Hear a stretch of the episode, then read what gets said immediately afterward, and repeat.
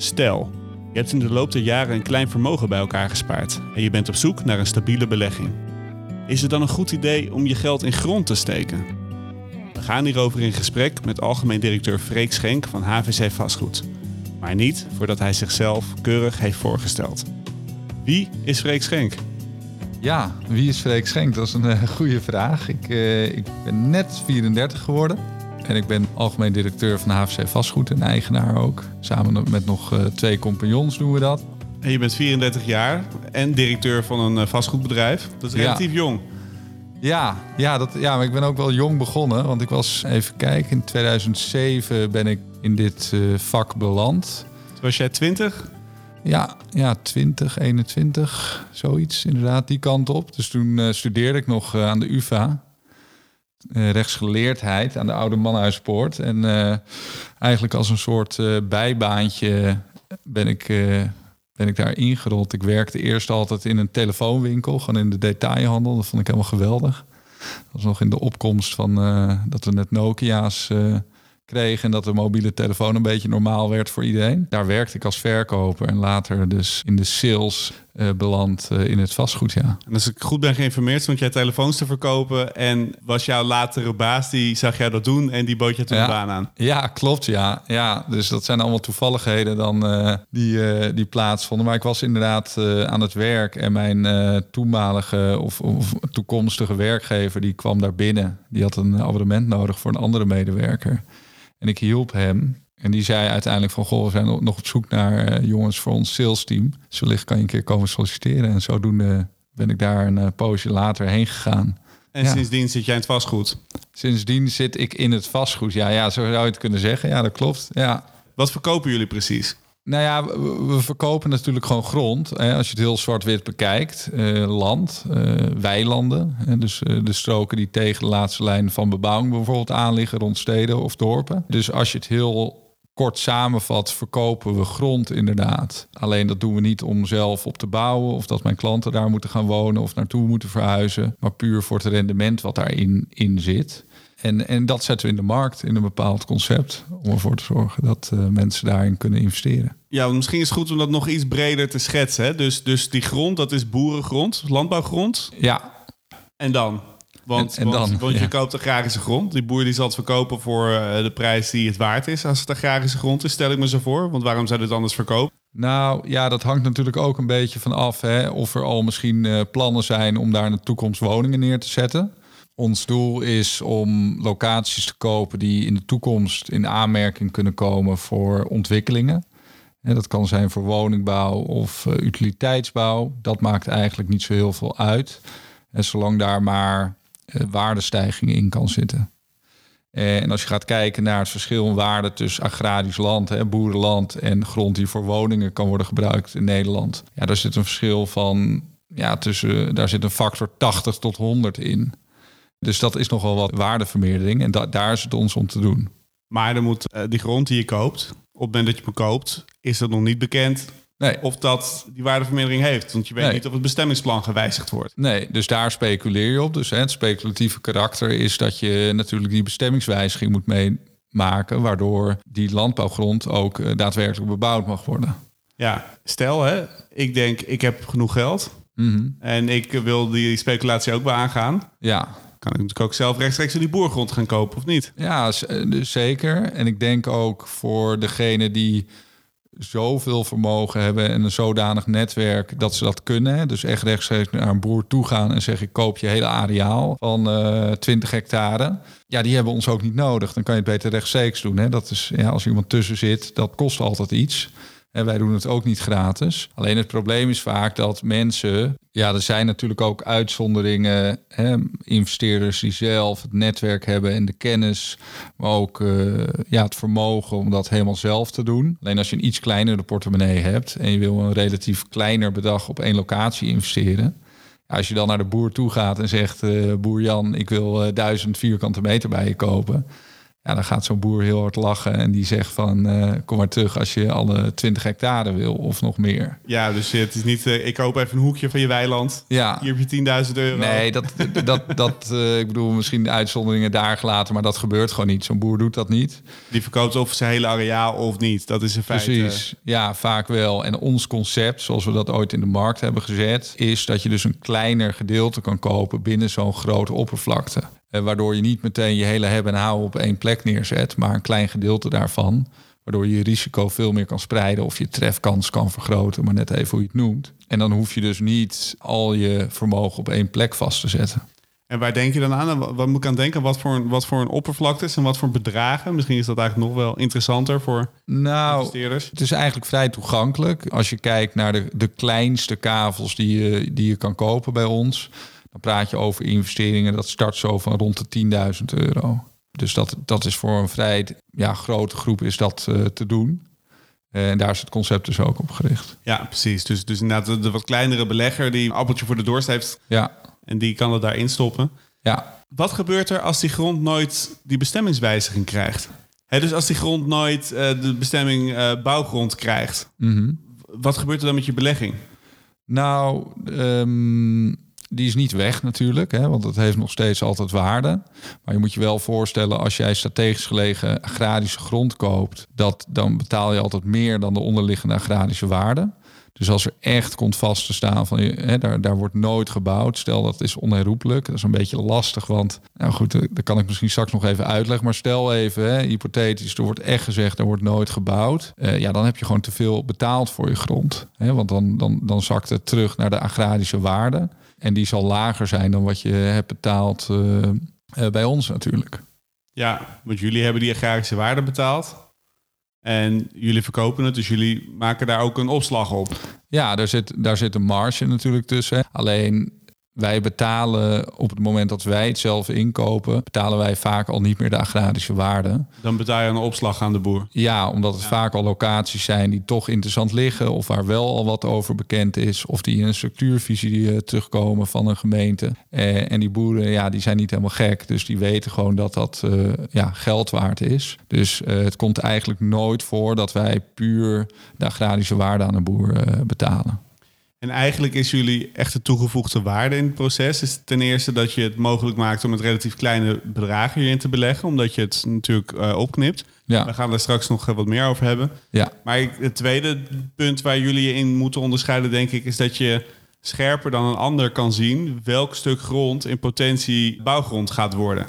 Ja, ook. Ik denk vooral het eerste punt, hè, wat je zegt. eh, we hebben natuurlijk een bepaald netwerk opgebouwd de afgelopen jaren. Ik en mijn compagnons hebben bij elkaar meer dan 30 jaar ervaring in dit vak. Eh, dus dat is best wel wat. Je bouwt een netwerk op. Je moet die gronden ook maar kunnen kopen. Je moet weten wat er wordt aangeboden. Je staat in contact met de rentmeesters. Dat, dat is vooral een toegevoegde waarde. Het onderzoek vooraf, hè, van wat zijn dan de kansen? Ik denk dat daar ook toegevoegde waarde in zit. Dat wij sneller kunnen beoordelen of iets interessant is dan dat een leek dat moet gaan doen. En Het is toch best wel een eh, specialistische handel eh, waar je echt wel kennis van moet hebben. En ik denk dat dat ook de reden is dat mensen het via ons doen en niet zelf. Los van dat het eh, heel veel tijd en energie kost om daar zelf allemaal achteraan te gaan. Om een voorbeeld te noemen, als wij een positie aankopen, dan hebben we wel tegen twintig anderen eerst nee gezegd. Voordat we een keer denken van oké, dit is het. Eh, en zelfs dan is het geen 100% garantie dat je succes hebt. Hè, maar dat is ook de reden dat je weer spreidt. Maar ja, dat plus het feit dat we het inderdaad verkaveld kunnen aanbieden. Dat is wel echt een meerwaarde, omdat je dan gewoon met een wat kleiner bedrag eh, het kan aankopen. Ja, en tegelijkertijd is daar ook kritiek op. Als je grond verkavelt, dat het heel lastig wordt om het te ontwikkelen. Hè? Dat, dat is een van de punten die wel eens wordt eh, genoemd. Omdat eh, iedereen die een kavel heeft, als één iemand maar niet wilt eh, meegaan in de verkoop, dan kan zijn heel bouwproject niet doorgaan. Ja, ja. Klopt. Nou, dat, dat is ook zo. Hè. Als jij, eh, laten we even als voorbeeld noemen, een, stuk van 10 hectare opknipt in, in, stukjes. eh, En er zitten daar 100 verschillende eigenaren in, allemaal particulieren of ondernemers. Maar laten we even zeggen particulieren die het eigendom hebben. Ja, dan is er geen één projectontwikkelaar die daar zal willen of kunnen ontwikkelen. Omdat je dan met 100 verschillende partijen om tafel moet. En dat is gewoon niet te doen. Dus die kritiek klopt wel. Alleen wij vangen dat op door in de akte en de koopovereenkomst te werken met een aanbiedingsverplichting. Die aanbiedingsverplichting houdt eigenlijk simpel gezegd in dat men wel verplicht is om mee te doen bij verkoop uh, als er gebouwd mag worden of in de aanloop daar naartoe. En dan vang je dat gewoon goed op. Ja, doe je dat niet, ja, dan, dan ben ik het eens met de kritiek. Dan wordt het heel lastig om zo'n gebied te ontwikkelen. Ja, dus als ik voor 10.000 euro een kavel bij jullie koop, dan weet ik zeker dat als er een. Uh, enerzijds weet ik zeker, dus als die bestemming wordt gewijzigd, dat alle andere mensen die daar met mij op het weiland zitten, moeten verkopen. Ja. Anderzijds word ik ook gedwongen om te verkopen op het moment dat, uh, dat iemand het wil kopen. Ja, het is, het is een verzekering voor jezelf, maar ook een verzekering voor al jouw buurmannen en buurvrouwen die meedoen. Dat ze wel weten eh, dat niet links iemand zit die juist heeft aangekocht met de reden om een ontwikkeling tegen te gaan. Hè? Dat hij denkt van uh, bijvoorbeeld vroeger, uh, zo'n mooi voorbeeld, bij Schiphol had je het Bulderbos. Dat is alweer een tijd geleden kochten mensen, als ik me niet vergis, waar nu de polderbaan ligt, konden mensen daar een, stukje bos kopen. En dat deden heel veel verschillende eigenaren, waardoor Schiphol allemaal verschillende procedures moest gaan uh, opstarten. Ja, dat willen we gewoon ten alle tijden voorkomen, want dat drukt uh, het rendement of houdt het rendement helemaal tegen. En doordat we die aanbiedingsplicht hebben opgenomen in de akte, en dat doe ik ook niet voor de lol, dat ik denk, oh, ik ga, me, ga, me, ga mijn klanten pesten, ik doe een verplichting in, maar het is echt bedoeld om ze te beschermen en ook onszelf te beschermen, dat er ook daadwerkelijk wel ontwikkeld kan worden. Ja, je zegt jullie zelf, want dat is een ander punt. Jullie blijven zelf ook altijd participeren in de gebieden die jullie aankopen. Ja, ja. Klopt. waarom doen jullie dat? Nou, ik denk dat het uh, A eh, een signaal afgeeft naar, naar de investeerders. Van hey, we doen zelf uh, ook mee. We houden zelf een positie daarin. En anderzijds um, is het ook zo dat we dan als aanspreekpunt uh, binnen zo'n positie blijven. Dus als er iets gebeurt of er worden officiële stukken verstuurd, dan krijgen wij die ook binnen. Dan hoeven we dat niet alleen maar via, via anderen te horen. Ja, precies. En uh, dat kan ik me goed voorstellen. Dus op het moment dat jullie uh, knollen voor citroenen verkopen, mm. dan heb je daar zelf, dan voel je zelf ook die pijn. Dat ja. je er zelf ook in zit. Ja, klopt. En, en we proberen dus zelf als bedrijf daar ook een portefeuille gewoon in op te bouwen. Ook om die waardesprong mee te maken. Het businessmodel waar onze verdiensten voornamelijk natuurlijk liggen, is dat we het grote opkopen, verkavelen en doorzetten. En daar zit onze marge in. Er zit gewoon een gezonde marge tussen. Daar, daar, daar liggen onze voornaamste verdiensten. Maar als je ook zelf gewoon nog kavels voor de lange termijn houdt en je maakt een bestemmingswijziging mee, ja goed, dan zit daar natuurlijk ook nog een mooi rendement in. En een tweede punt van kritiek, wat je toch wel her en der terugleest, is dat het niet vaak voorkomt dat die bestemmingswijzigingen worden doorgevoerd. Hè? Dus, dus we hebben tot nu toe in Nederland, eh, tot een paar jaar terug, hadden we echt een beleid, er werd niet gebouwd in het groen. Mm Nou ja, als je daar dan in het groen zit met je kavel, ja. hoe, hoe zeker is het dat je überhaupt ooit in je leven die die sprong gaat maken. Ja, kijk, die, die 100% zekerheid heb je nooit. Hè. Het gaat gewoon om een investering. En, en je zal nooit 100% zekerheid hebben. Dat heb je, denk ik. Nee, uh... het blijft speculatie in die zin. Ja, zeker. Hè. Er zit een speculatief karakter in, absoluut.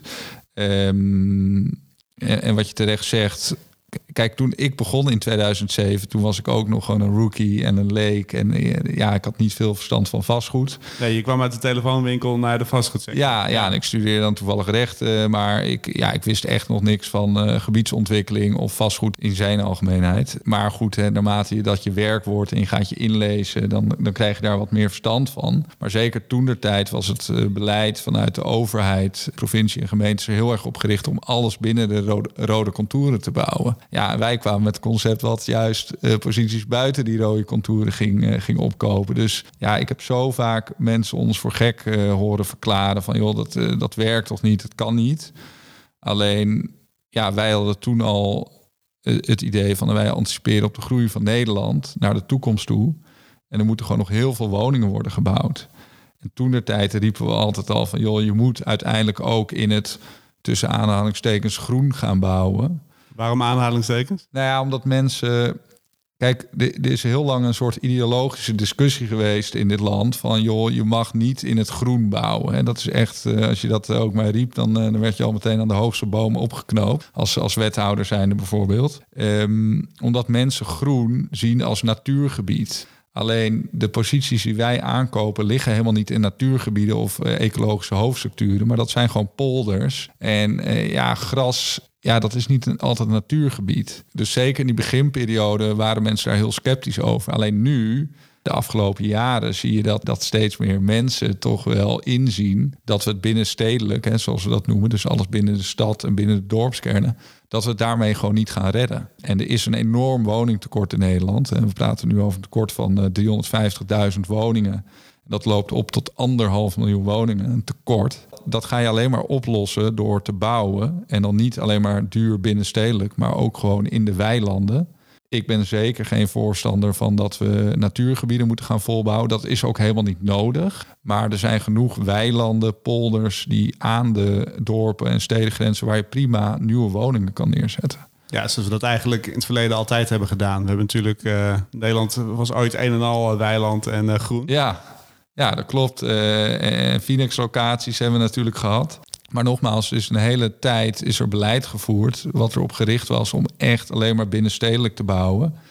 En uh, wat mij betreft heeft dat beleid gewoon enorm gefaald. Want we hebben een van de grootste woningcrisis uh, die we ooit hebben gekend.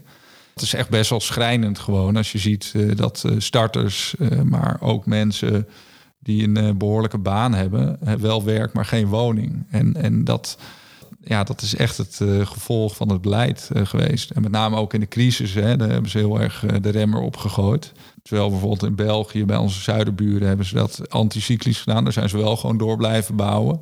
Daar hebben ze veel minder groot probleem. Maar zeker in Nederland nu is echt ja, is ongekend hoe groot de woningnood, zoals ze dat nu al mooi noemen, is. En hoe draag je bij aan het bestrijden van die woningnood als je bij jullie belegt? Nou ja, kijk, eh, uiteindelijk zijn we natuurlijk grondspeculanten en willen we geld verdienen. Hè? Dat, dat is denk ik wel duidelijk. Alleen ik denk wel dat je daaraan bij kan dragen op het moment dat je met een groep investeerders op een goede locatie zit waar woningen kunnen worden gebouwd. Natuurlijk willen ze rendement halen, maar ze staan natuurlijk wel open voor het idee om daar woningen neer te zetten. En dat is bij andere eigenaren wel eens anders. Hè. Je kan ook een, st een stugge boer tegenkomen die gewoon uh, ja, niet mee wil werken. En dan heb je volgens mij een groter probleem dan een groep investeerders die gewoon een net rendement willen halen. En ook uh, best mee willen denken om die, uh, om die woningnood op te lossen. Wat voor, wat voor investeerders zijn het doorgaans die bij jullie uh, instappen? Ja, eigenlijk is onze doelgroep die mensen die een beleggingshorizon hebben die wat langer loopt. Hè, dus echt voor de lange termijn. Um, en voor die mensen kunnen wij interessant zijn. En dat kunnen mensen van 40 zijn, maar dat kunnen ook mensen van in de 60 of 70 zijn. Uh, die het voor zichzelf doen, maar ook voor een volgende generatie. Om dat vermogen in stand te houden. Um, dus eigenlijk voor een vrij breed publiek uh, kunnen we interessant zijn. Uh, mits die mensen ook ja, een langere horizon hebben als het om beleggen gaat. En op het moment dat iemand bij jullie wat uh, grond wilt kopen, omdat hij het, het, het, hele verhaal, we moeten uh, anderhalf miljoen woningen gaan bouwen. Nou ja, mm -hmm. Het ligt inderdaad voor de hand dat je dat doet waar al steden liggen en waar dan de stad ophoudt en het weiland begint. Ja. Dat, dat lijken relatief logische plekken om dan uh, de stad verder uit te leggen. Ja. Voor. Maar wat voor informatie geef je je kopers? Hè? Want ik, ik, kan me no, ik kan me nogal voorstellen dat het nogal uitmaakt als jij voor 10 of 20 jaar in die grond zit. Je weet niet precies wanneer het mm. wanneer het uh, die bestemmingswijziging krijgt, dat het nogal uitmaakt welke informatie je krijgt. Ja, en dan bedoel je vooraf of... of, of vooraf, ook... ja. Dus, dus, dus in hoeverre? Want, want je enerzijds, je hebt een mooie belegging. Anderzijds, mm. je wilt ook die grond verkopen. Ja. Dus je, ik, ik, stel me zo voor dat je ook wat, uh, wat suiker op de, op de taart doet. Wat slag op de taart doet. Op het Jus op de aardappelen, ja. ja, ja. over de aardappelen, ja, ja, ja, als je aan het verkopen bent. Ja. In hoeverre waarschuwen jullie uh, potentiële klanten voor de risico's die erin zitten? Ja, dat, dat, dat is gewoon essentieel om te doen. Kijk, je kan een mooie folder maken. En je zet een uh, snelle verkoper neer. Dan kan je iedereen vaak wel alles wijs maken. Of, of een hele grote groep mensen in ieder geval. Alleen, kijk, ik heb een bepaald idee bij deze onderneming. En hoe ik die wil runnen. En uh, dat wil ik graag duurzaam doen. En voor de lange termijn. En als je dingen te mooi gaat maken, dan, ja, dan komt het alleen maar ook snel weer bij je terug, denk ik. Ja, want je bent 34, dus je kan nog niet ja. Uh, nee. even door. Nee, precies. Ja, ik kan nog rustig uh, 20, 30 jaar door. Dus je wijst mensen natuurlijk ook nadrukkelijk op, op, op de risico's. En dat ze zich daar bewust van zijn. Uh, en dat het ook zo kan zijn dat je misschien verlies maakt op je investering. Andere mensen zeggen, nou Freek, oké, okay, ja, het is gewoon een soort gok. En zeg nou goed, als u dat zo wil noemen, prima. Alleen als we gaan gokken en we gaan naar het casino en gaat roulette en hij valt niet op het goede nummertje, en dan haalt die groep je, je fiches weg. Dan is het gewoon weg. En ik zeg altijd met grond kan je het eigenlijk zien. Ja, dat balletje blijft gewoon doordraaien en doordraaien en doordraaien. Totdat hij een keer wel op het juiste nummertje valt. Ja, want daar hadden we het eerder over. Hè? Je kan eigenlijk niet zeggen dat het onherroepelijk nooit meer bouwgrond wordt hè, met grond. Nee, nou ja, dat kan je wel zeggen in, in, in uitzonderlijke gevallen. Of als er een waterwingebied van wordt gemaakt. Gewoon echt extreme gevallen kan je dat zeggen. Alleen je hebt te maken met beleid. Te maken met gemeenteraden, met wethouders. Eh, met raadstermijnen. In, in Nederland hè, leven in een democratie. Eén keer in de vier jaar heb je weer verkiezingen. Dus ja, er zijn tal van voorbeelden van locaties waar de ene raad zei van joh, daar willen we niet dat er gebouwd gaat worden. Of dat de wethouder dat zei. En waar acht jaar later woningen staan, omdat een andere gemeenteraad met een andere samenstelling dat wel wil. Dus wat ik altijd belangrijk vind, is hoe ligt die grond? Ligt het op een strategisch gunstige plek? Dat is het belangrijkste. En zolang het daar ligt, zit er altijd wel een soort spanningsveld omheen, wat waarde creëert. En dan kan het best een keer zijn dat een eh, gemeenteraad beslist: we doen het niet of we willen het niet. Maar dat kan over vier jaar, of vijf, of zes jaar, of acht jaar, of tien jaar, kan dat weer anders zijn. Eh, en daar zijn gewoon uh, ja, heel veel voorbeelden van dat dat is gebeurd. Precies, dus dat is ook die, die speculatie. Je weet, je weet gewoon niet hoe lang je adem moet zijn. Dat is het lastige. Ja. Maar tegelijkertijd, hey, jij bent 34. Als je met pensioen wilt, als je 74 bent, mm noem maar ja. wat. ja, eh, waarschijnlijk wel ja, tegen die tijd. Dan heb je, precies, dan heb je 40 jaar de tijd dat het een keer wel die bestemmingswijziging krijgt op de stukken grond die je nu zou inkopen. Waardoor, je, ja. Nou ja, waardoor die kans natuurlijk een stuk groter wordt. Ja, zeker, zeker. En, en, en vroeger uh, had ik gedacht, nou dan zet ik mijn geld gewoon bij een bank neer op een, op een mooie spaarrekening. Alleen, ja, dat is voor iedereen wel bekend inmiddels. je krijgt gewoon geen rente meer. Dus uh, dat is gewoon nul of 0,2, maar het, laten we even zeggen, het is gewoon nul eigenlijk. En als je daar nog je belasting van afhaalt en uh, de inflatie meerekent en de kosten die je betaalt aan je bank om überhaupt die spaarrekening te hebben, ja, dan ga je er gewoon, pin me even niet helemaal vast, maar ik denk effectief wel 2 of 3 procent op achteruit ieder jaar. Ja, doe dat 40 jaar, dan, uh, dan weet je wel wat er met je, met je vermogen gebeurt. En in mijn filosofie, in mijn optiek, is dat ruimte is schaarser dan geld op dit moment. Vooral in Nederland, maar misschien wel over de hele wereld. En ja, als we gaan kijken hoeveel geld er op dit moment wordt bijgemaakt vanuit Europa. Ja, dat is, uh, dat is gewoon ongekend. Ja, en grond laat zich lastig bijdrukken. Nou ja, precies. Hè. Ik bedoel... Flevopolders destijds, dat was een aardige poging. Maar... Ja, nou, precies. En ze zeggen ook wel, God schiep de wereld, maar de Nederlanders maakten hun eigen land. Maar uh, ja, veel meer land zal er niet, niet meer bij komen. Ja, aan tweede Maasvlakte hoor ik iemand dan wel zeggen, oké, maar in principe is grond natuurlijk uh, vreselijk schaars in dit land. Het is eindig, ja. Ja, precies. Je kan er niet meer van bijdrukken. En net zoals met goud, goud kan je nog van bij uh, vinden. Uh, maar grond ja, is gewoon wel echt eindig. En wat betekent dit voor de, voor de uh, fluctuaties in de waarde? Je bent, dat vind ik interessant, je bent in 2007 begonnen in deze, in deze handel in feite. Hè, als, als jonge medewerker bij een ander bedrijf. Ja. Vlak voor de kredietcrisis. Ja, ja, of, ja eigenlijk, uh, ja, die brak ongeveer uh, op dat moment uit. Precies. Hè? En wat heeft die, en, en je bent nu, we komen zo terug bij de kredietcrisis, je bent nu begonnen uh, met je eigen bedrijf, HVC Vastgoed. Ja. Vorig jaar. Ja, ja. Vlak ja. voor de coronacrisis. Ja, ja. ja, ik heb goede timing inderdaad. Ja. ja. Maar wat heeft die vorige crisis gedaan voor de handel en voor de markt? Ik denk dat, nou, dat was toen natuurlijk, hè, die financiële markt, ja, dat stortte volledig in. Dus je merkte wel dat mensen op zoek gingen naar alternatieven, veilige havens. Nou, dat kunnen edelmetalen zijn, uh, goud, zilver. Maar dat kan ook grond zijn. Je kan ook zeggen, oké, ik ruil mijn euro's in voor een stukje bezit in de vorm van land uh, op mooie locaties. Dus dat was eigenlijk best een, een, goede tijd waarin mensen best wat kansen zagen in het product. Alleen ja, op het moment dat er zo'n wereldwijde grote crisis als toen uh, is, dan, ja, dan heeft dat ook wel invloed natuurlijk op of je nieuwe investeerders kan aantrekken. Dat was toen, toen moeilijk. Maar ook nu weer met de coronacrisis merk ik dat er eigenlijk heel veel animo is voor ons product weer. Meer dan misschien wel uh, voor de coronacrisis. Omdat mensen toch zoekende zijn naar een veilige manier om het vermogen in stand te houden. En, en dat, dat, dat kan met grond, kan je dat goed doen. Ja, het is veel minder conjunctuurgevoelig ook, denk ik. En veel minder uh, gevoelig voor emoties. Hè. De beurs is gewoon veel emotie. En niet te vergeten, voor de coronacrisis hadden we met een hele andere crisis te maken in dit land. Er stonden de kranten vol uh, van en dat is de woningnoodcrisis. En dat zien gewoon heel veel investeerders snappen wel van... hé, hey, oké, we hebben gewoon plekken nodig om nieuwe woningen neer te zetten. En als ik die plekken in handen heb, of een gedeelte daarvan... dan vertegenwoordigt dat gewoon een waarde.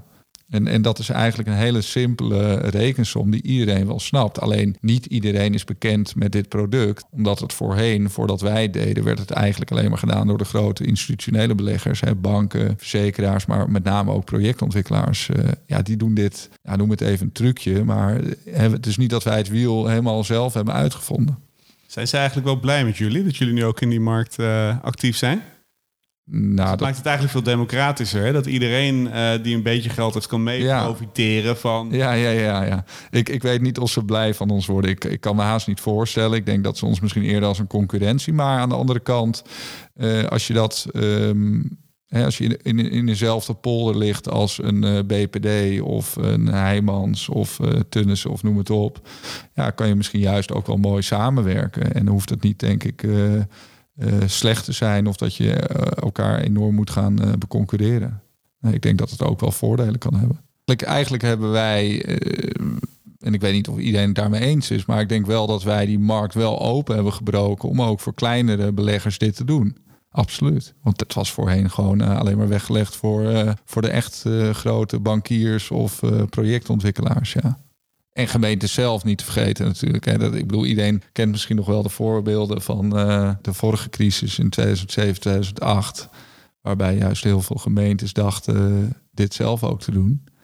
En uh, dat liep wat minder goed af. En ze opeens allemaal gat in een begroting hadden, omdat ze ja. al hadden gerekend op opbrengsten van grond. Want dat is een groot verschil. De gemeente kan natuurlijk zelf het bestemmingsplan wijzigen. Precies, ja. ja. Dus uh, alleen toen de crisis uitbrak en in één keer die woningmarkt ook uh, flinke klappen kreeg en, en, en de bouwproductie gewoon werd stilgelegd. Toen hadden die gemeentes het al in de boeken gezet voor 300 tot 400 euro per meter. Uh, en dat ging allemaal niet door. En bovendien hebben een aantal gemeentes, hè, ik geloof Apeldoorn is een schrijnend voorbeeld, die hebben dat ook met gefinancierde middelen gedaan.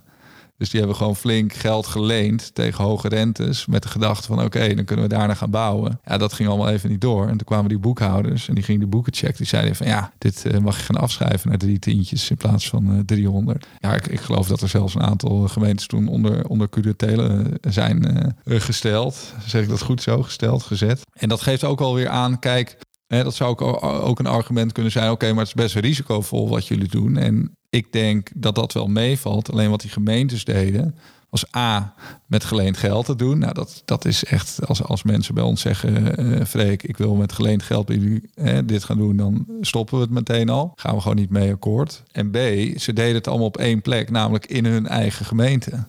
ze zetten alles in op één plek. En dat, ja, dat is uh, denk ik niet verstandig. Stel je hebt een ton, ja, dan is het advies wel als dat het bedrag is wat je in grond wil stoppen. Ja, spreid dat dan over meerdere locaties. Of dat nou uh, 10 keer 10.000 is of 4 keer 25.000. Ja, dat, dat, dat kan je zelf ook bepalen.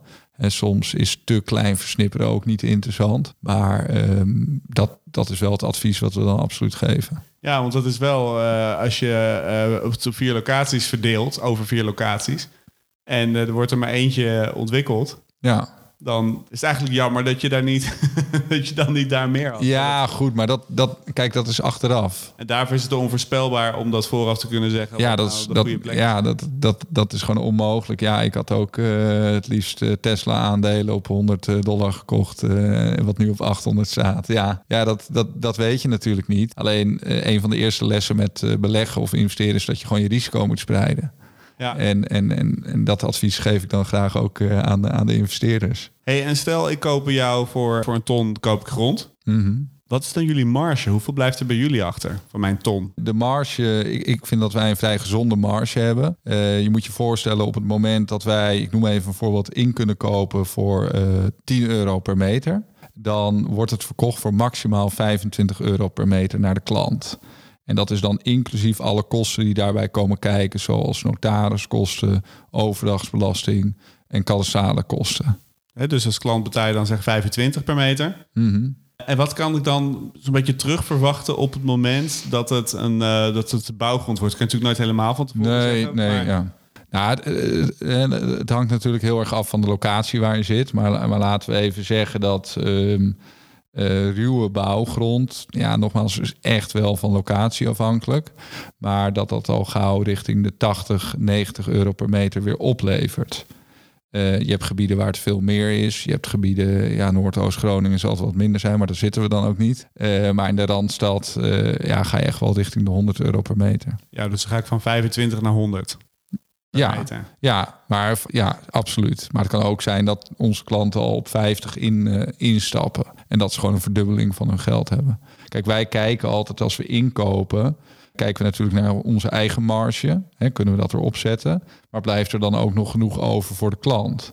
De kritiek die op de markt, of op, misschien op een aantal partijen in de markt eh, die in de markt actief zijn, is geweest, is ook dat ja, ze gewoon te duur de gronden in de markt zetten.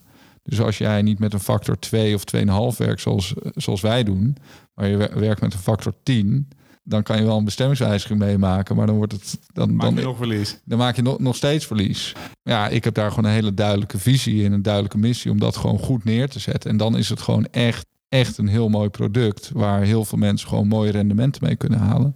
Hey, als het allemaal zo interessant is, waarom doe je het zelf niet? Nou ja, goede vraag, uh, Sander. Ehm, we, we, doen het ook zelf. Het is niet dat we het gratis weggeven en, en de kip met de gouden eieren zomaar weggeven. We houden altijd positie zelf. Alleen op het moment dat we alles zelf zouden houden en niks weer zouden wegzetten in de markt, dan hebben we gewoon geen liquiditeit meer om nieuwe grond aan te kopen. Dus dat is ook het businessmodel. We houden een gedeelte zelf. Het grootste gedeelte stoten we af naar de particuliere CQ-zakelijke markt. Eh, daar krijgen wij weer nieuwe middelen van binnen en dan kunnen we weer nieuwe grond mee kopen. Hey, zullen we naar een afsluiting gaan? Ja, doen we. Als je nog één laatste slotbetoog uh, uh, zou mogen houden om mij over de streep te halen. Ja. Wat is dat dan? Wat zou ik dan zeggen? Nou, laat ik het vooropstellen, Sander, dat ik dan ten eerste zou zeggen is dat je gewoon echt moet spreiden. Ik, ik zal nooit iemand adviseren om al zijn centen in de grond te stoppen. Dat is absoluut niet verstandig. Dus die diversificatie van je vermogen, dat is het allerbelangrijkste, denk ik. En dat moet ook niet oververtegenwoordigd zijn. Eh, maar dat geldt of het nou een aandeel is of in land. Uh, ja, het moet niet een te, grote, eh, te groot stuk van de taart worden, denk ik. Maar kijk, land houdt stand, zeg ik altijd. En dat heeft uh, zich altijd wel bewezen als een goede investering. En ik merk gewoon als ik kijk naar mijn, mijn uh, klantenkring. Uh, dat zijn geen domme beleggers, geen mensen die ik een pistool op het hoofd zet om dit te doen. Die denken daar goed over na. En dat zijn gewoon slimme ondernemers en die snappen gewoon het principe. Uh, en die zien in dat er nog heel veel woningen moeten worden gebouwd, waar heel veel plek voor nodig is. En dat we dat never nooit meer binnen de rode contouren gaan redden. Ieder rapport wat eruit komt, uh, schrijft van goh, we moeten wel aan de randen gaan bouwen. En die roep wordt ook steeds groter, ook vanuit wethouders. Maar uh, ja, ik, ik, ik ik denk uh, nogmaals, de spreiding is het belangrijkste. En als wij daar een stukje in kunnen helpen om dat vermogen in stand te houden. Dat is vaak al wat mensen zeggen. Van als het al netjes in stand blijft, dan ben ik al tevreden. En als het nog een beetje rendeert, dan ben ik helemaal blij. Ja, ik denk dat we daar een hele grote groep uh, uh, mensen bij kunnen helpen met ons product. Dus wat we moeten overhouden in dit gesprek is land houdt stand. Dat, dat zei mijn opa vroeger altijd al. En dat blijf ik zeggen, ja.